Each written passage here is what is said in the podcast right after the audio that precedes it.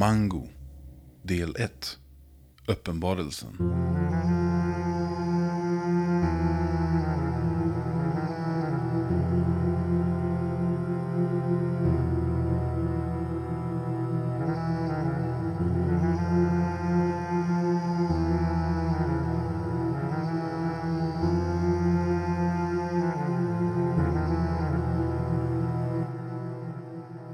Kall och mörk vinterkväll satt jag som vanligt ensam och kollade på tv i min lilla tvåa som låg på andra våningen i en mindre svensk småstad.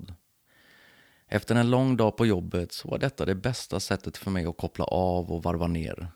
Utan den här nya rutinen var det nästan omöjligt för mig att somna. Att se gamla avsnitt av Seinfeld varvat med kultklassikern Oz en kopp med varmt te och en ostmacka eller två var rena himmelriket i jämförelse med det eviga bullret i fabriken. Denna kvällen var inte annorlunda. Efter att ha kommit hem var mitt mål att se Kramer spatsera i rutan så fort som möjligt så jag skyndade mig med att fixa i ordning te och smörgås och satte mig i soffan efter att ha puttat undan täcket från igår kväll. Det hände ju faktiskt mer ofta än sällan att soffan fick agera säng nu för tiden. Helt trollbunden i skenet av tvn som kastade sitt ljus över vardagsrummet kände jag att jag äntligen kunde släppa dagen och rensa skallen på allt med jobb, chef och förpliktelser. Efter dryga kvarten var mackan uppäten och teet slut så då lutade jag mig tillbaka i soffan och blundade en stund. En aningen stressad över tiden så tänkte jag att klockan borde inte vara mer än nio medan jag stirrade på insidan av mina ögonlock. En och annan bil hördes åka förbi på vägen utanför medan Kramer höll låda i bakgrunden.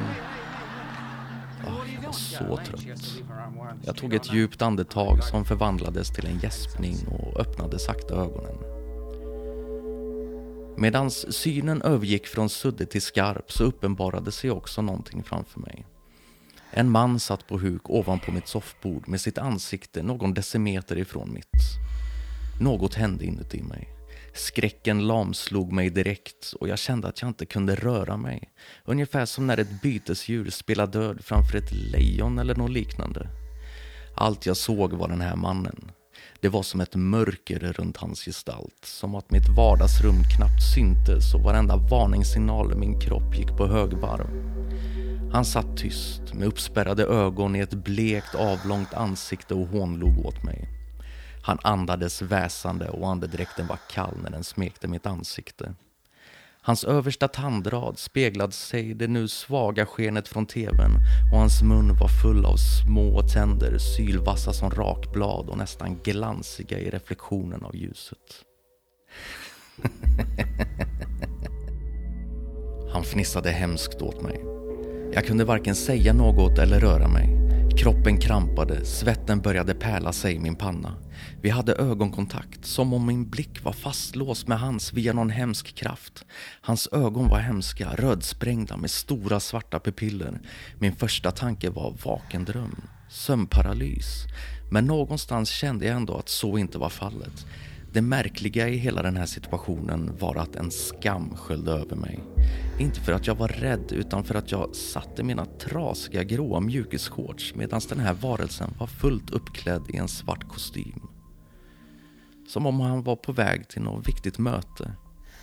Jag kände mig billig och ovärdig. Men kan så här i efterhand fortfarande inte förstå varför. Det var något med hans aura som smittade av sig på mig tror jag.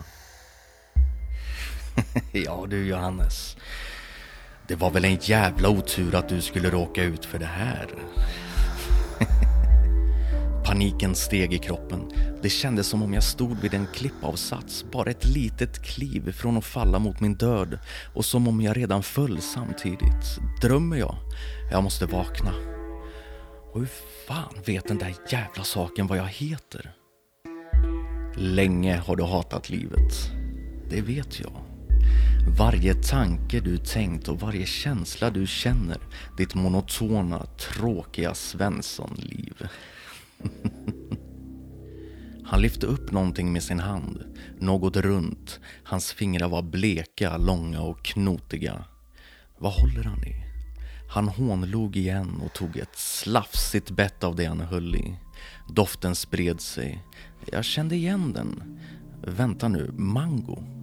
Äter han en mango? Ja du stackare. Det är en färsk underbar mango som jag äter. Han tog en tugga till och safterna från frukten rann ner längs hakan. Synen och ljudet av det gjorde att det vände sig i magen på mig. Du förstår Johannes, fortsatte han. Ditt liv kommer att förändras. Från och med ikväll kommer ditt liv inte bli sig likt. Din trötta, tråkiga vardag ska fyllas med liv. När du minst anar det kommer saker att hända. Vänta du bara.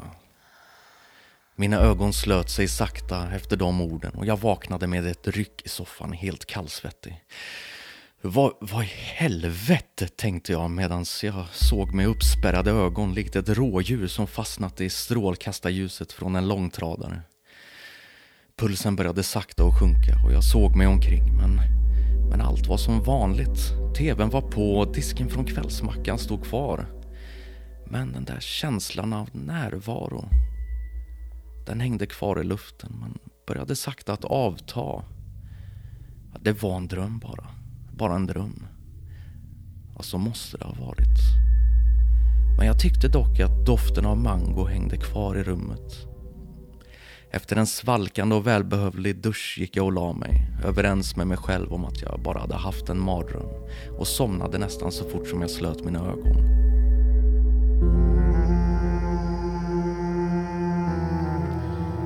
Du har lyssnat på Mango, en skräckpodd författad, producerad och inläst av Marcus Medved för Breath Amedias.